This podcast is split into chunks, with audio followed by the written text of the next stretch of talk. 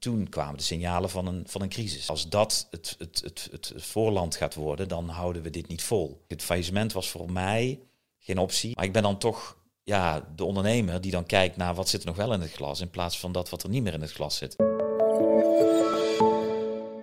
Leuk dat je weer kijkt naar een gesprek of luistert naar een gesprek op CVD-TV. Ehm, er is de laatste tijd veel aandacht voor met name grote bedrijven die, en wat de effecten zijn op dat soort bedrijven, vaak negatieve effecten van eh, de hele coronacrisis en alles wat ermee gebeurd is. Maar Nederland stikt en barst natuurlijk van de prachtige kleine bedrijven. MKB Nederland, noem het maar even, bedrijven. Uh, en ook die uh, hebben het ze nu dan zwaar te verduren. En bij mij in de stoel iemand die, uh, ja, die daar wel het een en ander over kan vertellen, denk ik. Jeroen Veldkamp. Jeroen, van harte welkom. Dankjewel. Want jij hebt een bedrijf eigenlijk al 25 jaar. Ja. ja. Um, vertel daar eens over wat het bedrijf laten we even nog maar zeggen, is en wat is. het doet. Ja, heel goed. Deed. ja, wij maken opdrachtfilms al 25 jaar. In 95 ben ik gestart. Na de opleiding kreeg ik commerciële opdrachten. Ben begonnen. Ja, kon het niet meer alleen. Personeel aangenomen. En uh, ja, zo is het bedrijf gegroeid tot uh, ja, dit jaar uh, 25 jaar. 25 jaar. Hoe, hoe, hoe, zeg maar, wat waren je ambities in het begin? Um, ja, eigenlijk ja, maker. Ik was echt een maker. Mm. Ik... Uh, ik deed ook in het begin natuurlijk alles zelf. Ik kreeg ja. opdrachten, bedacht concepten, schreef scripts, deed het camerawerk, want ik, was, ik had de opleiding gedaan als uh, audiovisuele produc producties. Dus ja. het hele traject, zeg maar, deed ook de montages, zelfs in het begin ook nog de voice-overs. Maar dat was in de tijd van de banden nog en zo? Ja, ja, ja? beter kan SP. Ja. Analoog nog. Ja, ja, ja klopt. Ja. En uh, ja, dat, dat, dat is wat ik deed. En, en ik, ik wilde verhalen vertellen, uh, maken.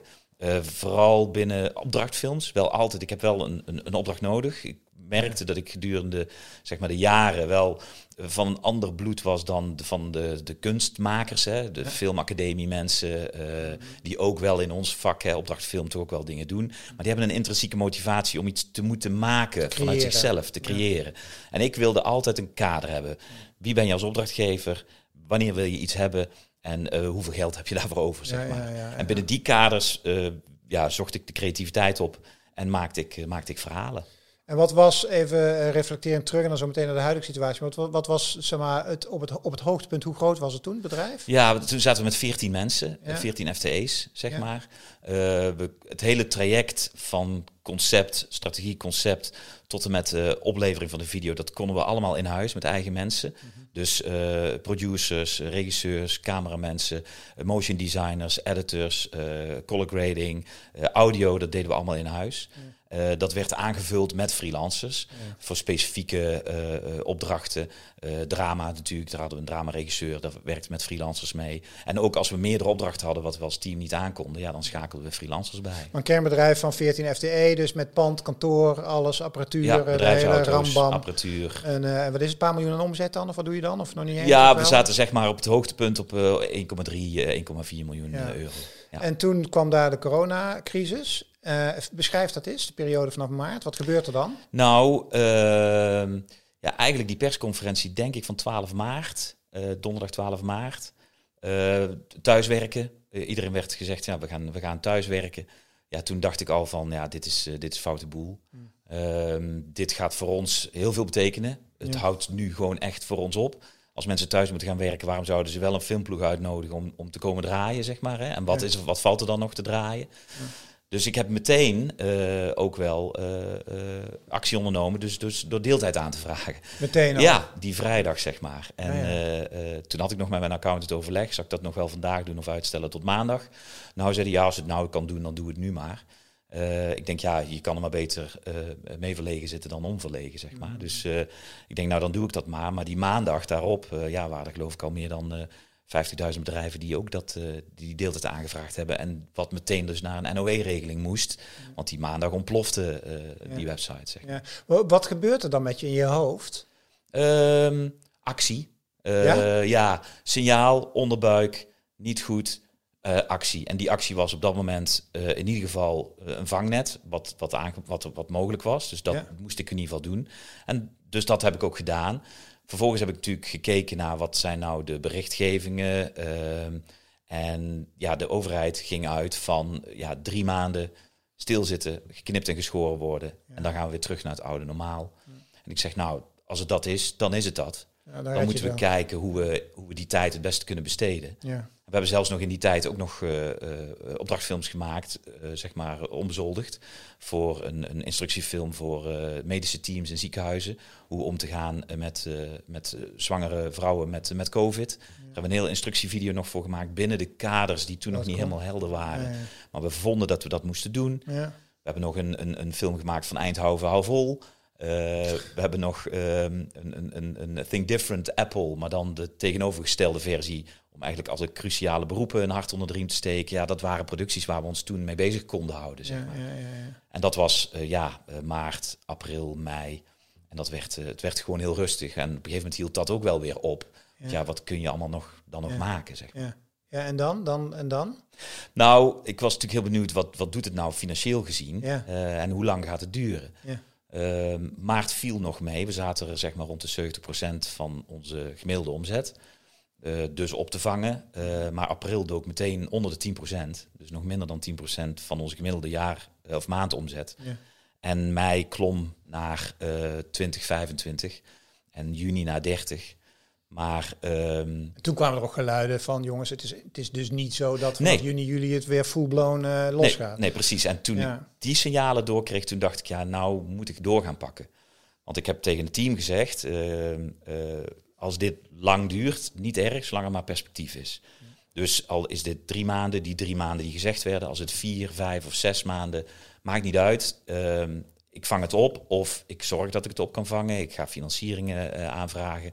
Dat komt goed, want zolang er vertrouwen is, ja, dan, dan laat ik dit niet zomaar uit mijn handen glippen. Het is ons jubileumjaar, we bestonden 25 jaar dit jaar.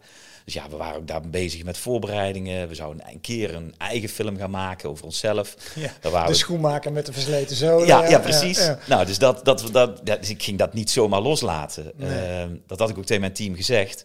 Uh, maar toen kwam inderdaad, na die drie maanden, eind mei, begin juni, zeiden we, ja, we gaan weer toch weer een tweede regeling, een tweede NOE-regeling. Uh, voor vier maanden uh, werd bekend. De bijdrage in de vaste lasten die ging van 4000 voor die eerste drie maanden naar 20.000. En binnen twee dagen werd die opgehoogd naar 50.000. En heel veel ondernemers waren daar blij mee, maar ik was er eigenlijk niet blij mee. Want dat gaf aan hoe serieus eigenlijk het probleem was en hoe lang het nog ging duren en hoe weinig perspectief er nog was. En toen kwamen de signalen van een, van een crisis, zeg maar. Hmm. En uh, die werd vergeleken met de financiële crisis van 2008, die bij ons pas in 2012 voelbaar werd. Maar toen zijn we heel diep gegaan. Uh, ik denk, ja, als dat het, het, het, het, voorland gaat worden, dan houden we dit niet vol. En dat is, uh, uh, ja, het kostte zeg maar gemiddeld 20.000 euro per maand wat ik, wat ik bij moest leggen. En als dat perspectief dan na vier, vijf maanden weg is, zeg maar, ja, dan, dan kan ik wel financiering gaan zoeken. Maar dat wordt een financiering van, van, van schulden, zeg maar. Ja. Dat, daar, had ik geen, ja, daar had ik geen geloof in. Nee. Dus en dan, dan moet je op een gegeven moment zeggen van dan stop ik ermee? Of hoe werkt dat dan? Nee, nee, nee. Dan, dan ga je met, ja, in dit geval met mijn accountant om de tafel en zeg je, joh, wat zijn nou de scenario's? Ja. Wat, wat kan, zeg maar. Hè? Je raakt dan niet in paniek. Ik zou dan volgens mij echt vreselijk allemaal in paniek. Jij gaat dan gewoon echt actie ja. en rustig nadenken, met de accountant zitten. En gewoon klinisch kijken van oké. Okay, ja, en ook met de mensen van het team. Ja. Want die waren natuurlijk ook erg ongerust. Uh, ik heb overigens, ik ben altijd heel transparant geweest in de cijfers. Dus ik kon ze heel makkelijk, heel snel informeren hoe het ervoor stond. Ik heb ook gezegd, maak je geen zorgen, want ik voel me verantwoordelijk als werkgever. Mhm. Maar op het moment dat het perspectief verdwijnt en ik verwacht dat het jullie gaat raken, dan laat ik het jullie ook snel weten. En dat was zeg maar eind mei, zei ik van ja, er moet nu wel iets gaan gebeuren. Want uh, juni, juli en het perspectief is weg ja, dan, dan gaat het jullie ook wel raken. Dus ik had ze daar ook wel voor gewaarschuwd. Nou, vervolgens hebben we dus met de accountant gezeten en, en we hebben eigenlijk drie scenario's uh, uh, ja, niet bedacht, maar, maar die zouden er zijn. Mhm. Het eerste scenario was van nou, toch wachten totdat zeg maar, de schulden zo hoog zijn opgelopen. Dat het voor ons niet meer verantwoord was. En dan zelf de verantwoordelijkheid nemen om het faillissement aan te vragen. Ja. Ander scenario is ja, doen alsof er niks aan de hand is. En maar zeggen van we gaan gewoon door Totdat iemand anders zegt, tot zover niet verder. Hè. En dat zou dan Belastingdienst of uh, de, de, verhuurder van het pand uh, kunnen zijn, zeg maar. Hè. Alhoewel die allebei uh, zei natuurlijk de Belastingdienst, dat, die stelde uit. Maar ook de pandeigenaar die zei ook, ja, de huur, stel maar uit, je hoeft het niet te betalen. niet deze maand, maar het was uitstel. Hè? Dus die schulden liepen op. Zeggen, ja, en op een gegeven moment zou het bij hen natuurlijk ook te ver kunnen zijn. Nou, dan, maar dan kun je nog zeggen van joh, we hebben er alles aan gedaan. Maar dan nog vind ik dat je toch die verantwoordelijkheid hebt. En derde scenario? Het derde scenario is, is toch de regie in eigen hand nemen. Want dat is eigenlijk, het faillissement was voor mij geen optie. En gelukkig ook voor het personeel niet. Ik had het gedeeld. Ik zeg, joh, dit zijn de drie scenario's. Waarbij bij die twee scenario's is er een faillissement. Uh, dan duperen we een hele hoop mensen. Natuurlijk dupeer ik jullie als medewerkers. Want ik word natuurlijk door de curator ontheven. En uh, jullie moeten met hem dealen. Met alles wat we hebben opgebouwd ook. Uh, we laten ook leveranciers achter. Die, die waarschijnlijk hun laatste facturen niet betaald krijgen. Ja, en natuurlijk onze opdrachtgevers. Met een, een wel een aanbetaling. Of geen van halve film of een script of een concept. Ja. En ja, dat ging ons wel allemaal aan het hart. En gelukkig, want ik heb echt gezegd, die beslissing nemen we samen. Want ik kan die beslissing niet nemen, want uh, op het moment dat we zien dat het ophoudt, vraag ik wel aan jullie om met mij mee, zeg maar, de verantwoordelijkheid te houden voor onze opdrachtgevers die we, uh, die we nog wel gaan bedienen. Uiteindelijk is dat dus het derde scenario geweest. We hebben gezegd, oké, we gaan afscheid nemen van elkaar. Dus de grootste lasten is dan toch het personeel en het pand en de bedrijfsauto's en alle faciliteiten, zeg maar. Mhm. Dus daar gaan we afscheid van nemen. Ehm, ik heb gezegd, uh, ik respecteer jullie uh, uitwerktermijnen. Ehm, ik weet dat er een, een, recht is op een transitievergoeding. Mm inmiddels had ik natuurlijk het team al drie maanden overeind gehouden. Dus er was al best veel geld al in geïnvesteerd. Ik zeg, ja, ik kan niet jullie transitievergoeding voor 100% betalen. Dus ik wil daar met jullie collectief afspraken over maken. Het is per definitie een harde landing, maar ik probeer hem zo zacht mogelijk te maken. En met transitievergoeding bedoel je een, een, een bedrag en daarmee afscheid nemen? Precies. Ja, ja. ja, ja. En wat ik dus heb gedaan is, is uh, ja, met, alle, uh, met alle teamleden een, uh, een vaststellingsovereenkomst ben ik overeengekomen. En wat is een vaststellingsovereenkomst? Ja, dat je eigenlijk met elkaar afstemt dat het, dat het stopt. Dus dat, we, dat je uit elkaar gaat. Wat netjes. Of netjes, wat fijn bijna. Ja. Tenminste, ik kan, kan me een situatie voorstellen dat je toch in één keer een hele groep medewerkers ziet die zich toch uiteindelijk tegen je keren. Want die hebben zoiets van uiteindelijk is mijn primair belang toch gewoon mijn hypotheek en mijn boterham. Ja. ja. Uh, en hier ben ik niet blij mee. Nee, maar er was geen alternatief. Nee. De, de, twee alternatieven waren toch dan een faillissement. Ja. Of dit, dat het, dat het toch nog zo lang mogelijk uh, uh, ja, dat we met zo lang mogelijk met elkaar. En dat ik hen, voor hen ook tijd gaf, zeg maar, om te zoeken naar een alternatief. En dat kwam natuurlijk wel verrassend snel. Maar ja, corona kwam natuurlijk ook verrassend snel. En, en je zag aan de cijfers. En zij werkten natuurlijk ook aan hun agenda's. Ja, dat ging, dat ging binnen no time, waren, waren die leeg. Ja. En, ja, ja, en het waren natuurlijk ook mensen die ik bedoel, um, het zijn wel mensen die meedenken met jou, die op hetzelfde niveau opereren. Ja. Ik bedoel, de verhouding werkgever-werknemer was natuurlijk al nee, zeg maar, wat anders. Absoluut. En, en uh, enorm betrokken. Ja. Uh, maar ook al, uh, ja, de office manager die werkt al 16 jaar regisseur, die werkte al tien jaar, motion designer al twaalf jaar. Dus was ook een team, zeg maar, we waren al heel lang met elkaar aan het werk. Dus we kenden elkaar ook door en door. En nu zijn die allemaal gaan ZZP'en en uh, nee. pakken het vandaar weer op? Of wat zijn ze allemaal gaan doen? Nou ja, ze zoeken in principe een nieuwe baan. Als ze al zo lang werken in, ja, je weet hoe dit vak is, hè, met maken ja. van films en opdrachtfilms. Dat is toch een freelance, uh, ja. Uh, ja, er zijn veel freelancers die daarin werken ja, als je al zo lang bij een bedrijf werkt, dan zit dat toch op een gegeven moment niet in je. Ik heb natuurlijk heel veel mensen die bij mij gewerkt hebben, die wel zijn gaan freelancen. Maar die, ja, die hadden na twee, drie, vier jaar hadden het wel door. En die zeiden van, ah, ik ga dat voor mezelf doen.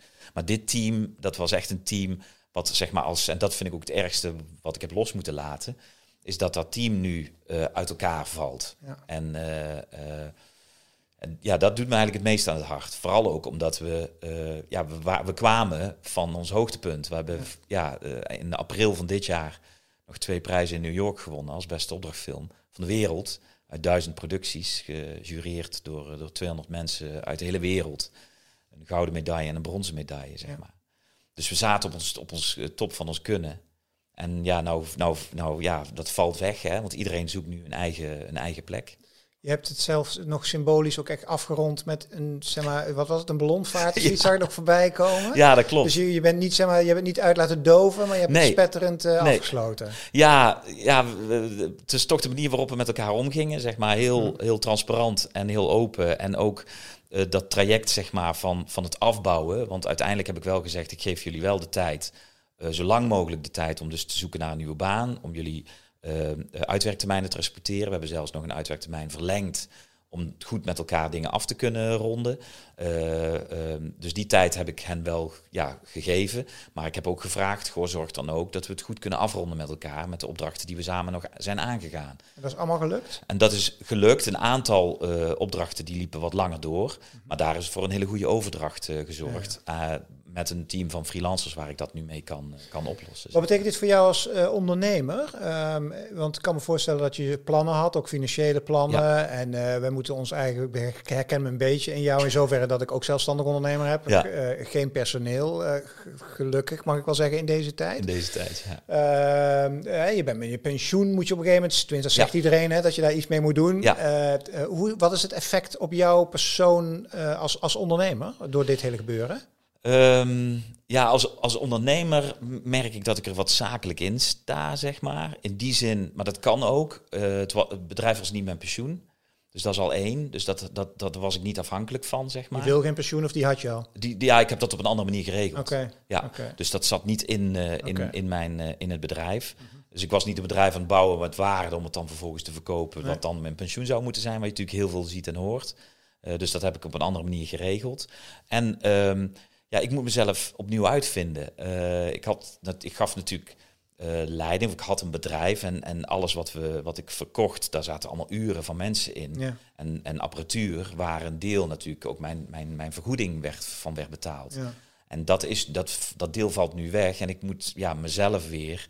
Uh, ja, opnieuw gaan uitvinden. Op, in die zin, ja meer eigenlijk zorgen dat, ja, dat wat ik ga doen, dat daar een inkomsten voor is. Omdat ja, ja. dat andere deel Terug is natuurlijk weggevallen. Af?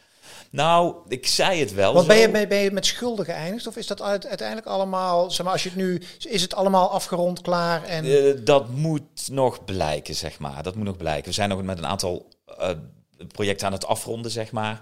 En, maar uiteindelijk, nee, uiteindelijk gaat, het, gaat dit wel uh, gaat het geld kosten, absoluut. Ja, het was goedkoper geweest, zeg maar, om, om, om failliet te gaan. Maar ja. nogmaals, dat, valt, dat past niet bij mij. Niet naar je mensen toe en niet en naar je klanten Precies, nee. Hm. Nee, nee. En, maar dan heb je het niet over een torenhoge schuld waar je niet meer overheen komt. Nee, nee, zeker niet. Nee, zeker niet. Want dan was het niet anders dan, dan een faillissement. Want ja, ja, ja kijk, um, ik doe dit nu 25 jaar. Ik word volgend jaar 50, hoop ik. en uh, dat heeft ook wel meegewogen, zeg maar. Ik heb gekeken van ga ik me nu, hoe, hoe diep wil ik nu gaan om volgende, de komende jaren dat gat eigenlijk weer te moeten vullen wat nu geslagen wordt, zeg maar. En dat heeft mij ook wel geholpen in deze beslissing omdat um, ja, we zijn vijf, zes jaar geleden dus hebben wij nog een flinke investering gedaan naar een nieuw pand. Op Strijp S, uh, ja, SX, sportmarketing en mediapand. Ja. Uh, forse investeringen in gedaan. Uh, Triple dubbel, sport, ja, Bob, van, van Oosterhout. Ja, dat hebben we samen, heb ik dat met Bob uh, vormgegeven, zeg maar. En daar heb ik toen ook nog fors in geïnvesteerd. Nou, dat is gelukkig afbetaald in de afgelopen jaren. Dus, dus dat was ook nul. En ik denk, ja, ga ik nu weer een forse investering doen om die komende jaren weer zeg maar, uh, ja, achter de feiten aan te moeten hollen.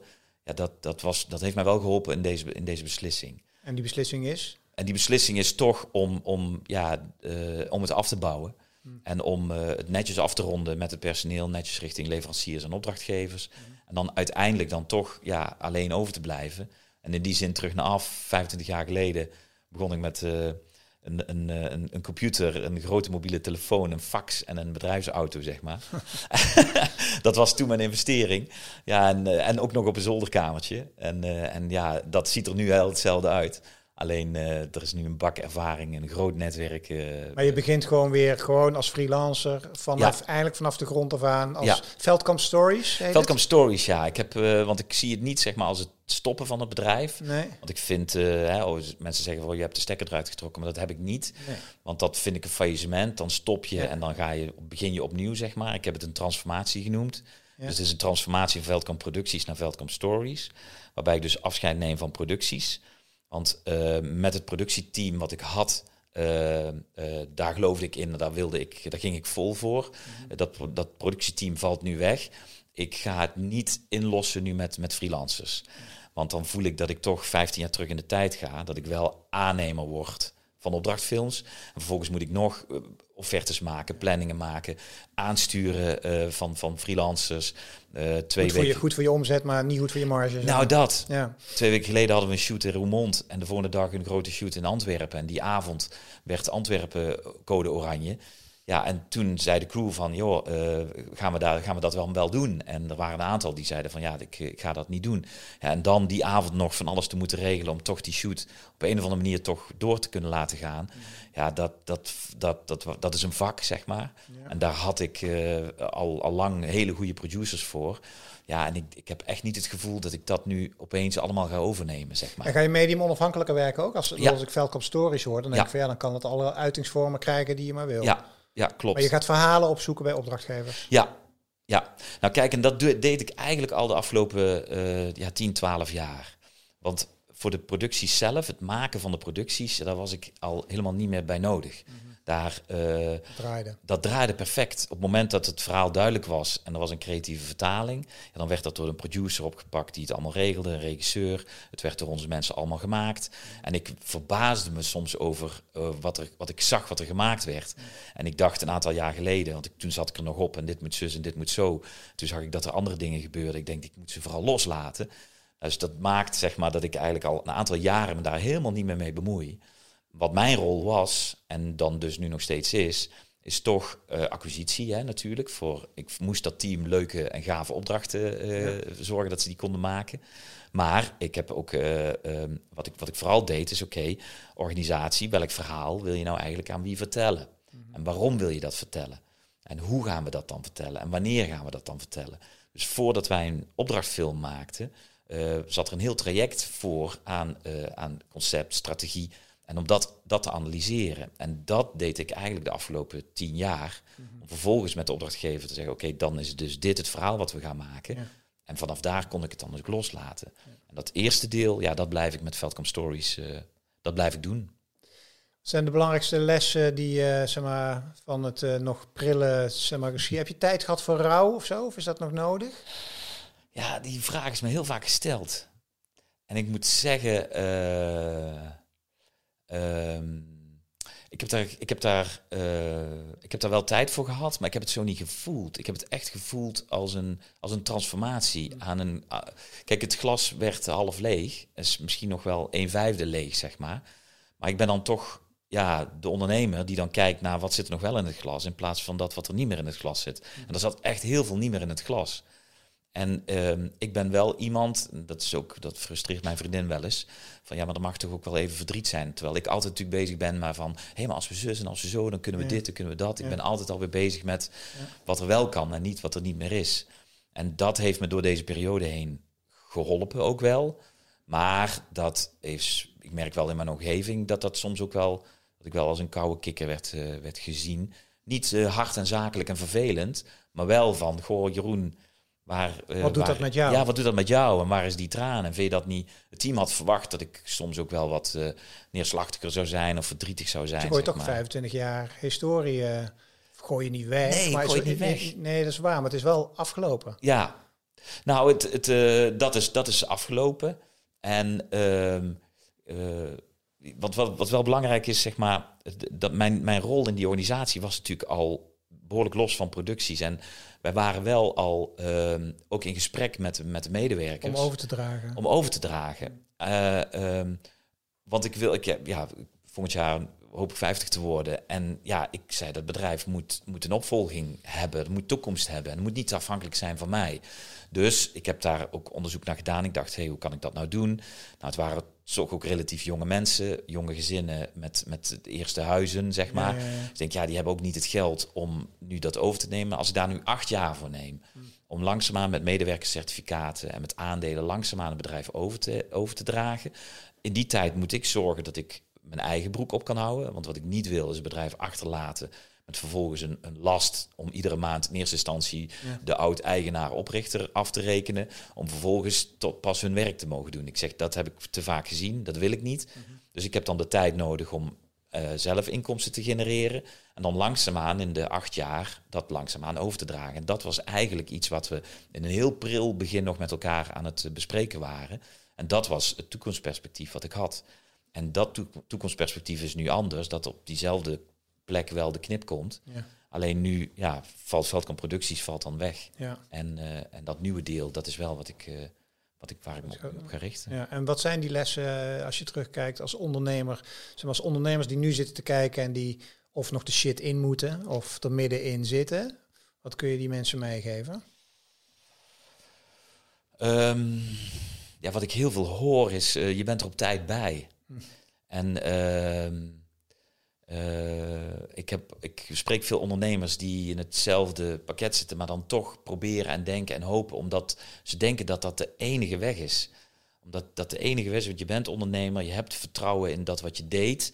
En je, ja, en je probeert je aan elke strohalm maar van, ja, maar straks, dan wordt het weer goed. Dan gaan we weer terug naar het oude normaal. En, en ik, uh, maar goed, het is natuurlijk mijn scenario niet om daaraan vast te blijven houden. Dus ik zoek juist naar de strohalm dat mijn verhaal zeg maar bevestigt. Maar probeer, uh, ja, stop niet weg. Er, zijn, er, is dus een, er is dus een weg. Uh, een andere weg is er dus ook. Ja, zeker als je betekent moet. Nee, ik heb in één keer een soort metafoor in met van zeg maar, je, de, de tsunami in de vorm van de coronacrisis die er aankomt. En jij bent er heel snel gaan nadenken van ja, dat pandje staat nu hier op het strand. Maar als we nou eens gaan nadenken hoe we die functie van een huis, in wat voor vorm dan ook, misschien kunnen ombouwen, verbouwen, op een heuveltje neer kunnen zetten. Ja. Want die tsunami komt eraan. Dat is misschien wel het verschil met ondernemers die daar gewoon blijven wonen. Ja, precies. En denken, ik ga gewoon door. Juist. En op een gegeven moment ja, komt het. Uh, wordt het overwalst. En dat is jou natuurlijk niet gebeurd. Je hebt de regie uh, gehouden. Ik heb de, ja, en dat, dat, dat, dat vond ik belangrijk. En wat ik belangrijk vond, uh, is, ik zeg dat wat er nu gaat gebeuren dat heeft zoveel impact op ons, uh, uh, met, mijn, met ons verleden, zeg maar. Wat ik belangrijk vond, is als ik over een jaar over straat loop, dan wil ik iedereen die ik tegenkom in de ogen kunnen kijken. Ja. En niet denken van, oh wacht, die is gedupeerd, oud-medewerker of een leverancier of een, of een, of een klant, zeg maar. Ik zeg, dat, dat was, mijn, dat was mijn, mijn, mijn, uh, mijn visie, zeg maar, mijn, mijn doel ook. En dat maakt dat, uh, dat ik, toen ik zag wat de voorspellingen waren met, uh, met de kosten, ik zeg, ja, als ik, als ik, ik moet nu handelen, want anders ga ik toch mensen straks volgend jaar niet meer recht in de ogen kunnen aankijken. Nee, nee. En dat was voor mij een anker, ja. ja. Um, heb je al een nieuwe klant?